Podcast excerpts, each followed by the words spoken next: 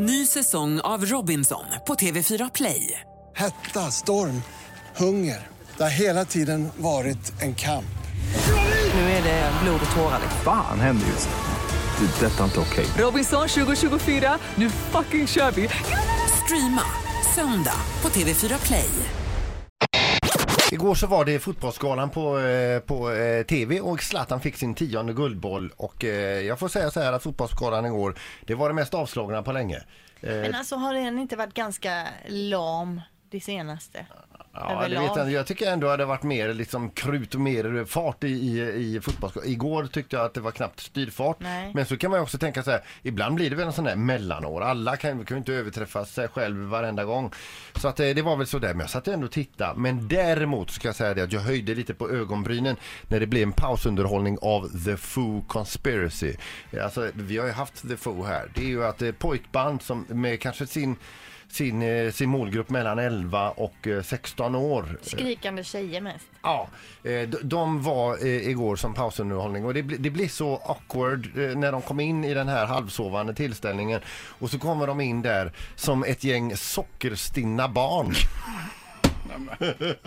och gör en låt. Jag, för- för det första, jag har aldrig hört den förut, men det var alltså, det var ju sån aktivitet på scenen där. Alltså, det var ju precis som att, som att de har varit på kalas och fått sin godispåse, tömt den och så kommer liksom inte föräldrarna på utsatt tid och ska hämta dem. Och Helt så, uppspelta Ja, då. så blir de helt uppspelta och, och man tappar kontrollen över barnen. Så var de på scenen där. Samtidigt som de framför sin eh, låt så hoppas, hoppar de, de slår volter, det är hysterisk dans. De springer liksom omkring och stojar eh, på scenen och har med sig dansare som har med samma eh, tempo där. Och då tänkte jag så här, nu får ni bestämma er pojkar om ni ska sjunga eller leka jag.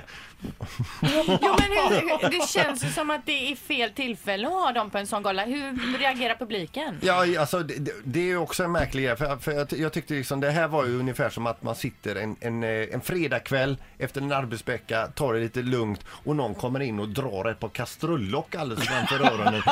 Så uppfattar jag det.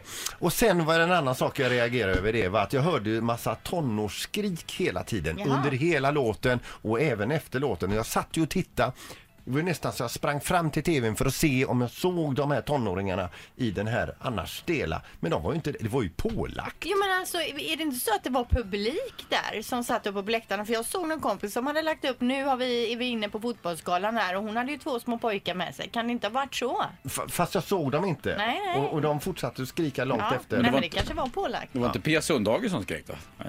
Nej. eh, då lät hon som många. Ett poddtips från Podplay.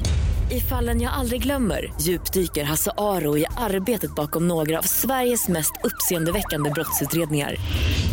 Går vi in med hemlig telefonavlyssning och, och då upplever vi att vi får en total förändring av hans beteende. Vad är det som händer nu? Vem är det som läcker? Och så säger han att jag är kriminell, jag har varit kriminell i hela mitt liv men att mörda ett barn, där går min gräns.